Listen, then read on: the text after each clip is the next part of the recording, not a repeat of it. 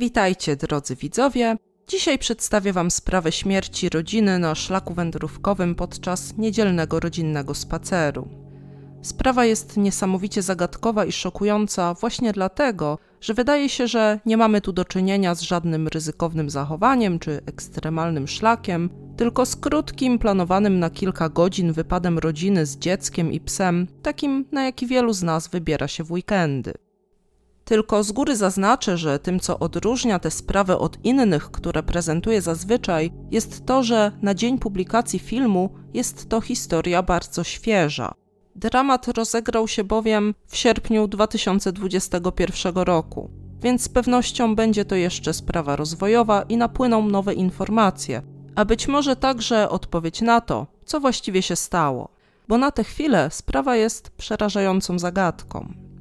Rodzinę, która stała się ofiarą niezrozumiałej na razie tragedii, stanowili 30-letnia Ellen Chang, jej 45-letni mąż Jonathan Jerish i ich roczna córka Aurelia Miju, która swoje pierwsze urodziny obchodziła krótko przed tragedią, 4 sierpnia. Członkiem rodziny był też ośmioletni piesek imieniem Oski, opisywany jako mieszaniec owczarka australijskiego, czyli Ossi, i rasy Akita. Jonathan Jerish pochodził z Lancashire w Wielkiej Brytanii, studiował na Uniwersytecie w Newcastle, po studiach rozpoczął pracę w Londynie. Tam w 2006 roku rozpoczął współpracę z Google jako inżynier oprogramowania. W związku z rozwojem swojej kariery zdecydował się na przeprowadzkę do Stanów Zjednoczonych i zamieszkał w San Francisco, gdzie nadal pracował dla Google. Mieszkając tam poznał Ellen Chang. Prawdopodobnie zostali parą w 2016 roku, tak wynika z przekazów w artykułach, których autorzy prześledzili konta Jonathana i Ellen w mediach społecznościowych i zauważyli, że od tamtego roku pojawiały się wspólne zdjęcia pary. Ellen Chang, potomkini imigrantów z Korei Południowej, wychowała się w Orange w południowej Kalifornii. W 2012 roku ukończyła studia licencjackie z psychologii na Uniwersytecie Kalifornijskim w Berkeley. Kiedy poznała Jonathana, pracowała w San Francisco jako instruktorka jogi. Na krótko przed tragedią zdecydowała się kontynuować studia, marząc o zdobyciu tytułu magistra ze specjalizacją w zakresie terapii par. Jonathan i Ellen pobrali się w 2019 roku. Ellen pozostała jednak przy swoim nazwisku. Z pewnością parę łączyła między innymi pasja do koncertów i festiwali muzycznych. Mieli być lubiani, towarzyscy i mieć spore grono znajomych. Jeździli razem po świecie. W 2017 roku zwiedzili Niemcy, Portugalię i ojczyznę Jonathana, Wielką Brytanię. Dotarli razem także do Meksyku, do Indonezji, w Himalaje czy na pustynię Gobi. Żyli pełnią życia. Przypieczętowaniem rodzinnego szczęścia Jonathana i Ellen stało się niewątpliwie przyjście na świat ich córki, której nadali imiona Aurelia Miju. Dziewczynka urodziła się 4 sierpnia 2020 roku i stała się oczkiem w głowie szczęśliwych rodziców. W czasie trwającej pandemii COVID-19 Jonathan zmienił pracodawcę z Google na Snapchat i zaczął na stałe pracować z domu. W związku z tym, że taki typ pracy można wykonywać oczywiście z dowolnego miejsca oraz w związku ze zbliżającym się pojawieniem się dziecka w ich życiu, Jonathan i Ellen zdecydowali o wyprowadzce z San Francisco wiosną 2020 roku. Wybrali dla siebie dom w Mariposie, położonej około 260 km na wschód od San Francisco. Dla ułatwienia określę to miejsce mianem miasteczka, choć technicznie jest to obszar nieposiadający statusu miasta, może bardziej pasowałoby określenie osiedle, które stanowi centrum hrabstwa Mariposa.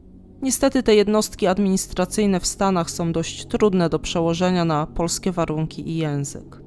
W każdym razie w Mariposie zamieszkuje na stałe nieco ponad 2000 mieszkańców. Jest to osada zapoczątkowana jako osiedle górnicze, związane z funkcjonowaniem na pobliskim obszarze licznych kopalni złota, które w czasach współczesnych są opuszczone. Sama osada nigdy jednak nie została opuszczona, jak było w przypadku wielu innych takich osiedli górniczych, Część spośród oryginalnych XIX-wiecznych budynków jest w Mariposie w ciągłym użytku, a miejsce to zachowało swój historyczny urok i senną, spokojną atmosferę. Hrabstwo Mariposa leży u stóp zachodnich stoków gór Sierra Nevada i jakieś 50 kilometrów od słynnego parku narodowego Yosemite. Według cytowanych przez media przyjaciół rodziny, państwo Jerry Chang przenieśli się tam właśnie po to, by uciec od zgiełku i pośpiechu wielkiego miasta i wychować córkę w spokojnym miejscu, bliżej natury, w sąsiedztwie pięknych szlaków pieszych i gór. Jednak właśnie to zamiłowanie do natury i pieszych szlaków w jakiś sposób przyniosło im śmierć. W hrabstwie Mariposa był piękny słoneczny weekend z temperaturami sięgającymi ponad 30 stopni w najgorętszych momentach dnia, kiedy Jonathan i Ellen zaplanowali wycieczkę w pobliskie rejony górskie. W sobotę 14 sierpnia Jonathan Jerish sprawdzał trasy szlaków w obszarze zwanym Heights Cove w lesie narodowym Sierra na mapach w aplikacji w telefonie. W niedzielę 15 sierpnia około 7.45 rano świadek widział rodzinę Jerish Chang wyjeżdżającą z Mariposy rodzinnym samochodem. Był to szary Ford Ranger Raptor z 2020 roku. Nikt z bliskich i znajomych rodziny nie znał ich dokładnych planów na ten dzień i nie było wówczas wiadomo, dokąd wybrali się na spacer, z którego nie wrócili. Zniknięcie rodziny zostało zauważone jednak szybko. Pierwszą wskazówką, że coś było nie tak, był zamknięty i pusty dom państwa Jerry Chang w poniedziałek 16 sierpnia rano, gdy pojawiła się tam niania umówiona do pełnienia opieki nad Aurelią Miju. Jonathan nie przystąpił do pracy, chociaż nikogo o tym nie uprzedził. Brak kontaktu z rodziną spowodował, że przyjaciel rodziny zgłosił ich zaginięcie w biurze szeryfa hrabstwa Mariposa w poniedziałek wieczorem o godzinie 23. Pierwsze działania funkcjonariuszy miały miejsce niemal od razu po otrzymaniu zgłoszenia. Zastępca szeryfa po usłyszeniu od przyjaciela rodziny, że państwo Jerry Chang zwykle spędzali weekendy na spacerach i że prawdopodobnie mogli nie wrócić właśnie z niedzielnego spaceru, objechał najbliższe parkingi leśne jeszcze tamtej nocy. W pierwszych godzinach wtorku 17 sierpnia, dokładnie o 1.53, znalazł samochód rodziny na leśnym postoju, w miejscu, gdzie rozpoczynały się szlaki piesze, wiodące przez Sierra National Forest, przez teren górski, nad rzekę Merced. O 1.55 zarządził zorganizowanie ekipy poszukiwawczo-ratowniczej, która wyruszyła po wschodzie słońca tego dnia. Przed południem o godzinie 11 Jonathan Jerish, Ellen Chang, ich córka Aurelia Miju i piesek Oski zostali znalezieni na szlaku Savage Landii, 3 km od pozostawionego przez nich samochodu. Wszyscy martwi, łącznie z pieskiem.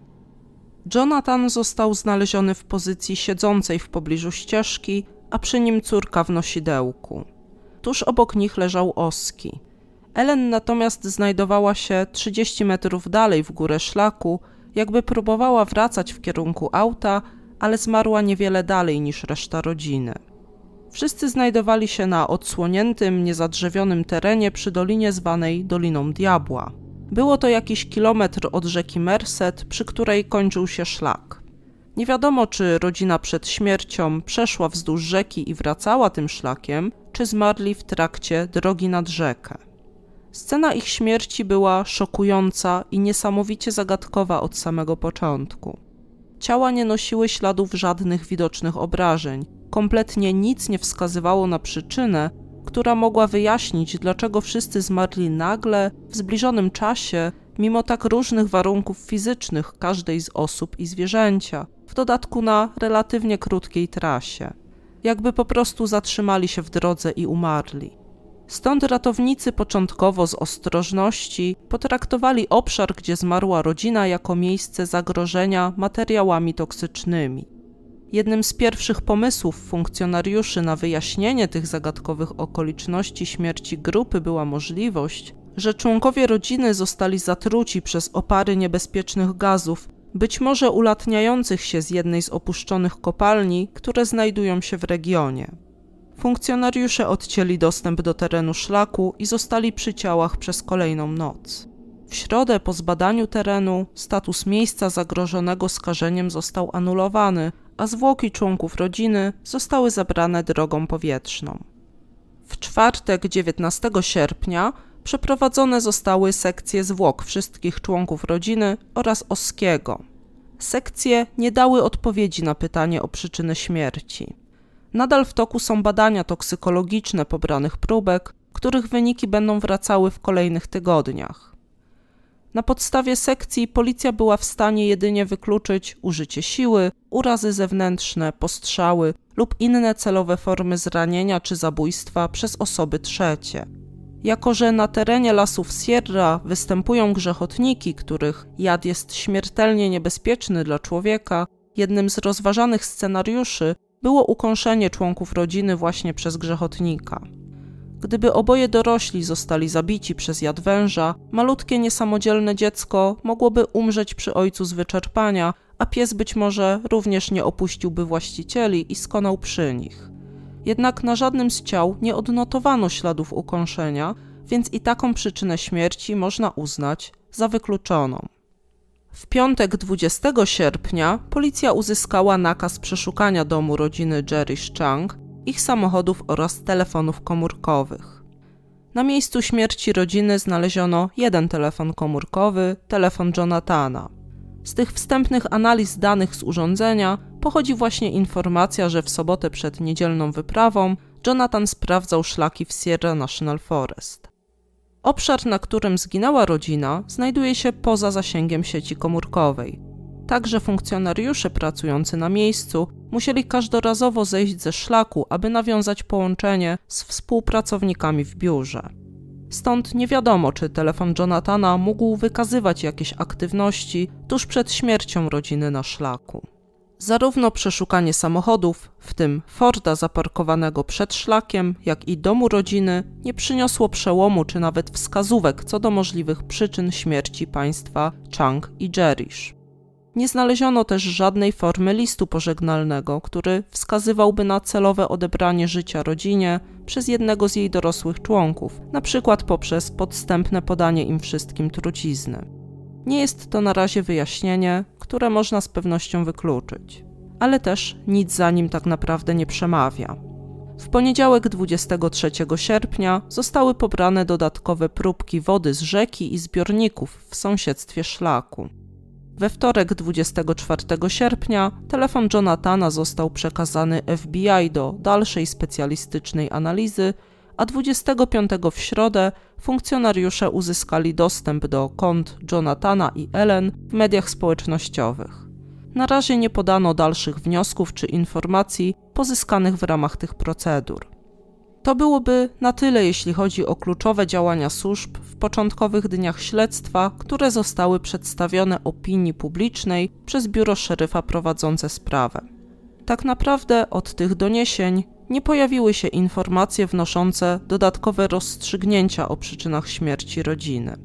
W mediach od tego czasu pojawiały się głównie rozmowy z bliskimi, zwłaszcza z ojcem Jonathana, Peterem Jerishem i z przyjacielem Stevenem Jeffy, którzy oczywiście wyrażali głęboki szok i smutek z powodu tragedii i podkreślali nadzieję, że nadejdą odpowiedzi, co spowodowało śmierć ich bliskich.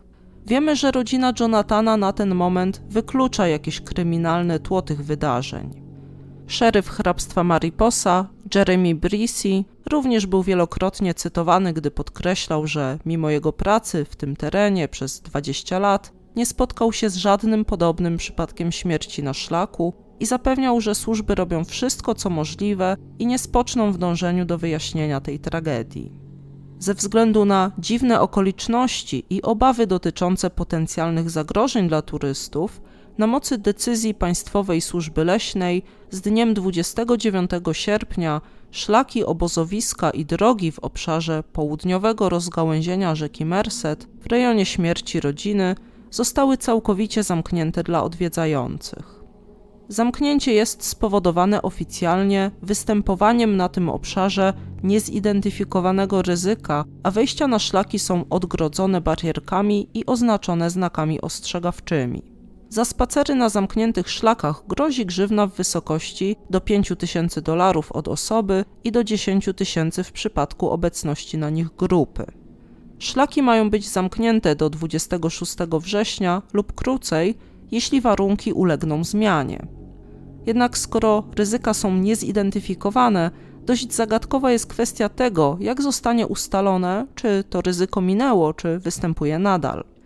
Z pewnością w obecnej chwili obszar ten ma szczególny status, chociaż dosłownie dzień później ogłoszono zamknięcie kalifornijskich lasów ze względu na szerzące się pożary do 17 września.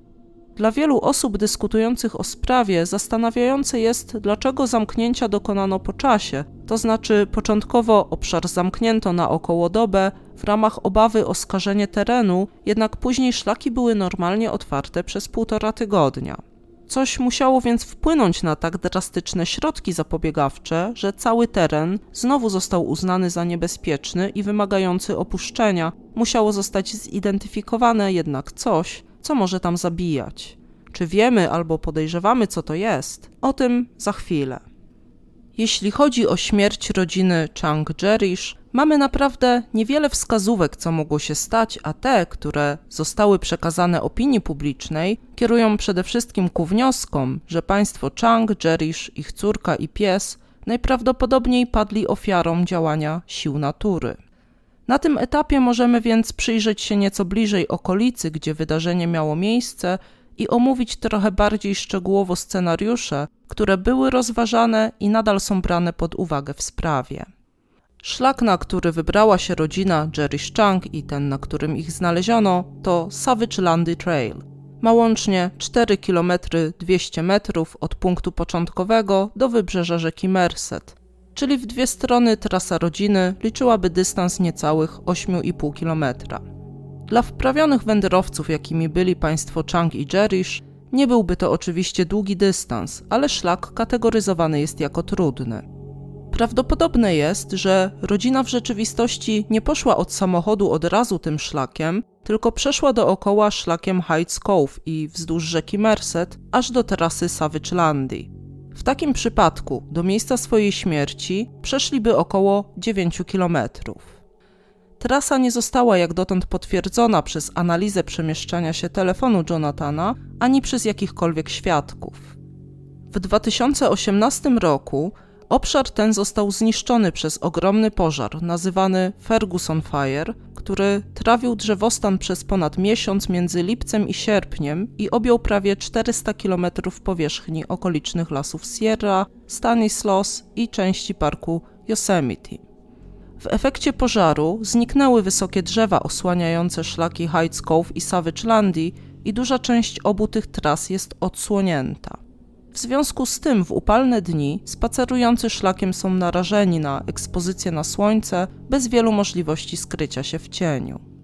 Według informacji podanych przez biuro szeryfa hrabstwa Mariposa w dniu 15 sierpnia, kiedy rodzina Jerry Chang była na szlakach, Temperatury w godzinach między 11.50 a 17.50 wahały się w zakresie od 39 do aż 43 stopni Celsjusza.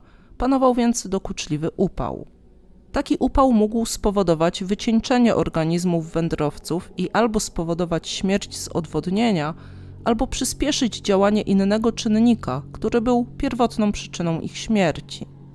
Tym, co nie pasuje do teorii, że członkowie rodziny zmarli z odwodnienia, jest fakt, że w plecaku, który mieli przy sobie, znaleziono dwa pojemniki, w których nadal była woda.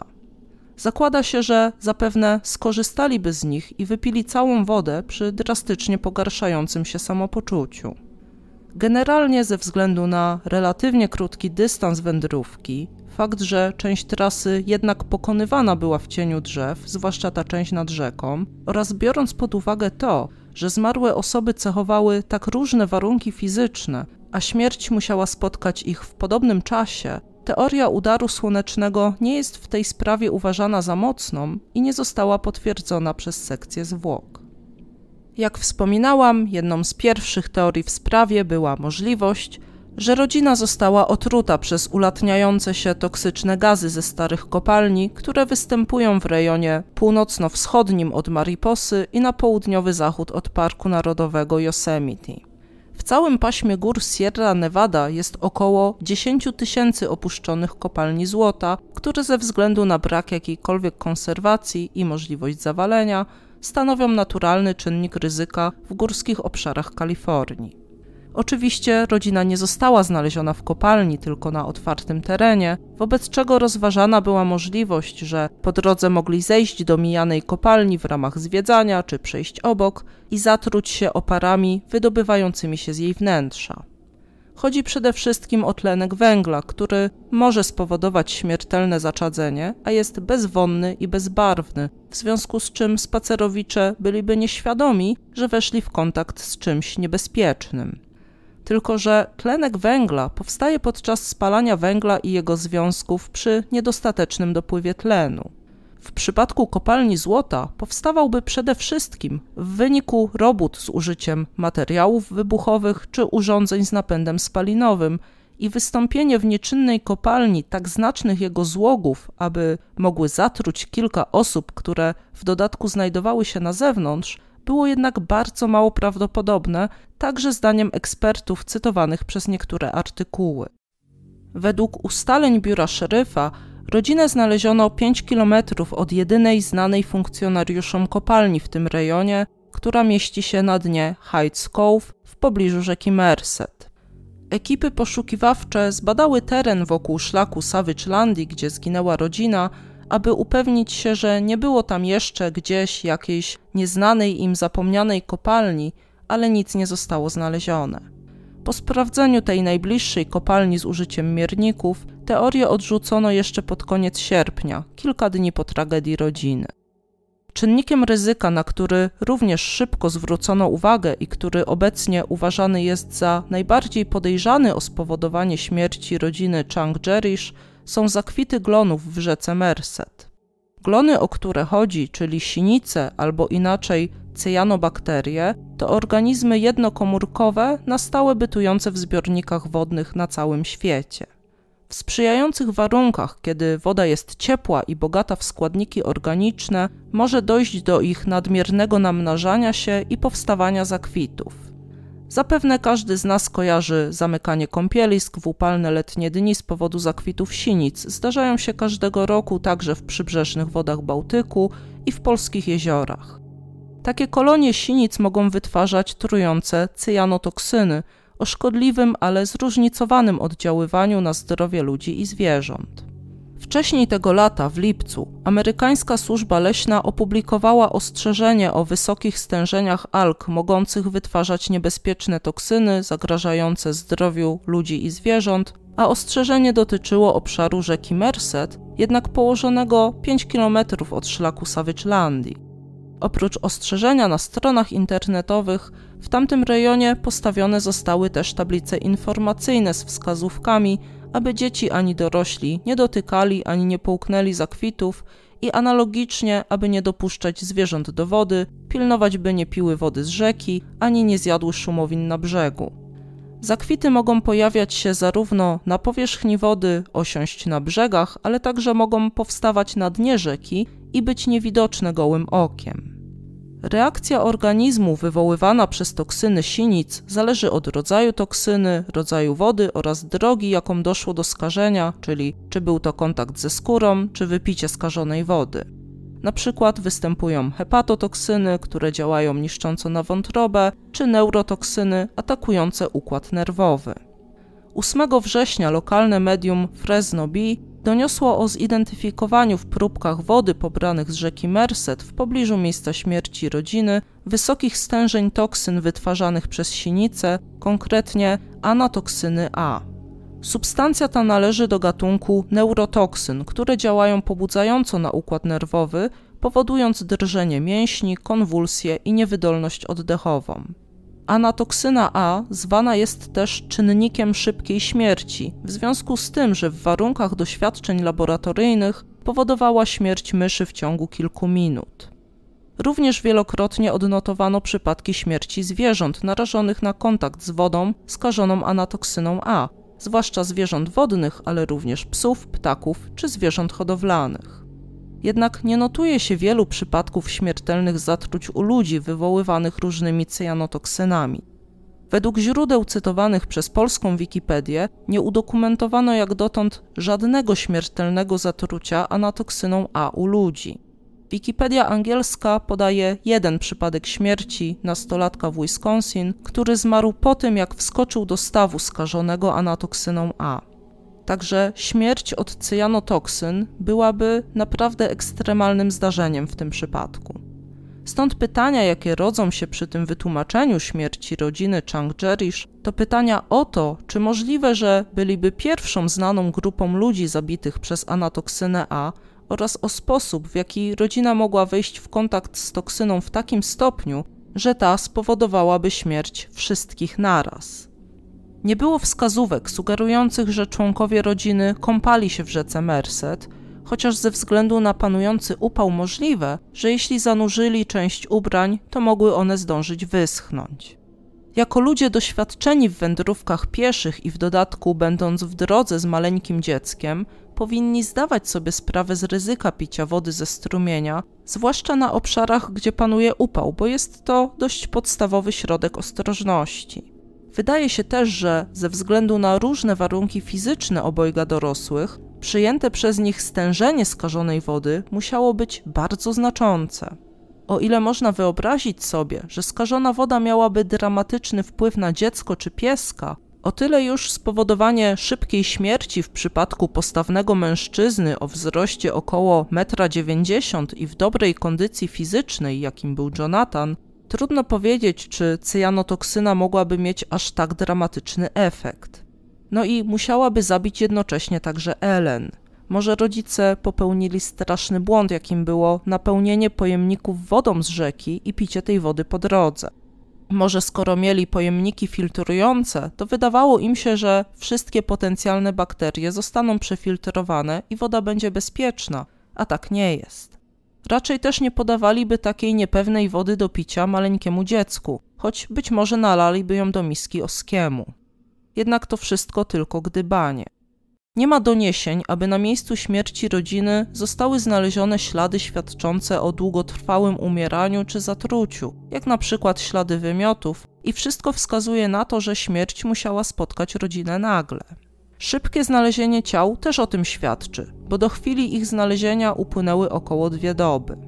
Wiele osób komentujących sprawę nie wierzy, że cyjanotoksyny mogły mieć aż tak silny efekt i zabić tak szybko dwoje zdrowych dorosłych ludzi. Mimo to wyjaśnienie śmierci rodziny przez przyjęcie toksyn produkowanych przez algi wydaje się obecnie najbardziej popularną teorią wśród obserwatorów sprawy i w mediach. Jednak kiedy szeryf hrabstwa Mariposa komunikował wyniki badań wskazujące na obecność stężeń anatoksyny A w rzece Merced, wyraźnie podkreślił, że nie ma jeszcze żadnych podstaw, by stwierdzić, że to ona była przyczyną śmierci rodziny Chang Jerish. W każdym razie to właśnie fakt odkrycia anatoksyny A w rzece Merced spowodował zamknięcie dostępu do 28-kilometrowego odcinka rzeki do 17 września 2021 roku. Wśród innych zagrożeń, jakich można doszukiwać się na terenie, gdzie zmarła rodzina, odnotowano między innymi też, że wzdłuż szlaku rośnie trujący dąb, roślina, która przy dotknięciu powoduje podrażnienia i poparzenia skóry, ale już przy jej spaleniu wytwarzają się toksyny zdolne do wywoływania zaburzeń oddechowych. Jednak w czasie śmierci rodziny na obszarze szlaku nie odnotowano żadnych pożarów. Na początku września media podjęły również temat potencjalnego porażenia piorunem jako przyczyny śmierci. Chociaż taka teoria wydaje się bardzo mało wiarygodna, to według doniesień medialnych była, a może jest, także poważnie rozważana przez śledczych. Pasują do niej niektóre fakty, jak to, że wędrowcy byli w górach, gdzie porażenia ludzi zdarzają się najczęściej, oraz na otwartym terenie. O ile bezpośrednie porażenie piorunem człowieka jest prawie zawsze śmiertelne, to występuje bardzo rzadko i stanowi zaledwie kilka procent przypadków porażeń. Zazwyczaj porażenie piorunem jest skutkiem wytworzenia napięcia krokowego przez rozchodzący się po ziemi prąd z nieodległego wyładowania. Może też wystąpić przeskok wyładowania z uderzonego przez piorun obiektu, np. z drzewa czy słupa, przy którym stoi człowiek. Mechanizm porażenia piorunem polega na bardzo szybkim przepływie prądu o wysokiej energii przez ciało ludzkie do ziemi, może powodować szereg objawów, innymi poparzenia, uszkodzenie układu nerwowego, utratę przytomności, zaburzenia rytmu serca czy nawet zatrzymanie krążenia. Pojedyncze argumenty pasują więc do teorii o śmierci rodziny po porażeniu piorunem, zwłaszcza wyjaśniałoby to tak nagłą śmierć i jeśli było to porażenie pośrednie, to że będąc blisko siebie, członkowie rodziny znaleźli się w jednym polu rażenia. Jednak trudno ocenić, czy ta teoria nie powinna zostać skreślona przez fakt, że w trakcie sekcji nie znaleziono żadnych poparzeń tkanek na żadnym z ciał. Przy porażeniach pośrednich spowodowanych uderzeniem pioruna w pobliżu człowieka, nie w niego samego, poparzenia nie muszą być widoczne, ale śmiertelne porażenia tego typu zdarzają się bardzo rzadko i w ogromnej większości przypadków ludzie takie zdarzenie przeżywają. Natomiast w tej sytuacji mówilibyśmy o trzech osobach i psie, wszystkich zmarłych na miejscu. Myślę, że chociaż teorii nie mogę zupełnie wykluczyć, gdyż wymaga to znacznie bardziej fachowej oceny, należy podkreślić skrajnie niskie prawdopodobieństwo takiego zdarzenia. Nie wspominając o tym, że w żadnym z wcześniejszych źródeł nie było mowy o wystąpieniu burzy w górach tamtego dnia. Jednak widać, że śledczy szukają rozwiązań nawet na pozór bardzo mało wiarygodnych, ale to dlatego, że sprawa jest tak nietypowa, że i rozwiązanie może być bardzo niespodziewane. Takie są główne teorie w sprawie omawiane jak dotąd przez śledczych w mediach i przez samych dziennikarzy. Jak zwykle w internecie pojawiają się też dyskusje na temat możliwości, że śmierć rodziny była efektem celowego działania – albo któregoś z dorosłych członków rodziny, albo kogoś z zewnątrz. Sytuacja, że troje ludzi tak nagle umarło i to razem z psem, najbardziej wygląda na efekt jakiejś formy zatrucia. Stąd krążą oczywiście teorie, że ktoś zatruł ich wodę albo jedzenie, które zabrali ze sobą na szlak. Jedni twórcy tych teorii rzucają hipotezy, że był to Jonathan, inni, że Ellen, sugerując, że ktoś z nich przykład pod wpływem głębokiej depresji, chciał targnąć się na swoje życie i zabrać niejako całą rodzinę ze sobą. Oczywiście takich teorii nie będzie można potwierdzić, dopóki nie zostaną podane do publicznej wiadomości wyniki badań toksykologicznych ciał. Myślę też o tym, że właściwie cokolwiek spowodowało śmierć członków rodziny, to wystarczyło, że zabiło dorosłych, gdyż dziecko było oczywiście w pełni od nich zależne i w nosidełku i mogło umrzeć z wyczerpania i przegrzania, ale pies prawdopodobnie również. Według informacji z pierwszych dni po upublicznieniu sprawy, Oski został znaleziony związany z Jonathanem, w domyśle rozumiem, że był na smyczy. Także jeśli pies cierpiał z przegrzania, to nawet jeśli czuł instynkt, by uciec w kierunku cienia czy wody, prawdopodobnie nie mógł się uwolnić. Podsumowując, z doniesień medialnych wiemy, że sprawa rodziny Jerry Chang nadal jest przedmiotem wytężonych działań wyjaśniających i funkcjonariusze oczekują między innymi na powrót wyników badań toksykologicznych. Myślę, że będą one kluczem do rozwiązania sprawy, bo jakieś wyjaśnienie musi nadejść. Kiedy sprawa doczeka się rozwiązania, zadbam o update, bo nie wiem jak wy odbieracie tę sprawę, ale ja naprawdę chciałabym poznać jej wytłumaczenie. Jednak natura nadal dysponuje tyloma środkami, by zabić człowieka, że rozwiązanie tej sprawy nawet może posłuży jako ostrzeżenie i nauczka na przyszłość. Przede wszystkim jednak to straszna tragedia młodej i wygląda na to, że bardzo szczęśliwej rodziny, i takie mroczne przypomnienie, że nie wiemy kiedy może nas spotkać zagrożenie, którego nie przewidujemy. Na dzisiaj to wszystko, co wiem o sprawie i będę na pewno śledzić dalsze informacje. Dzięki za posłuchanie i do usłyszenia następnym razem. Pa pa!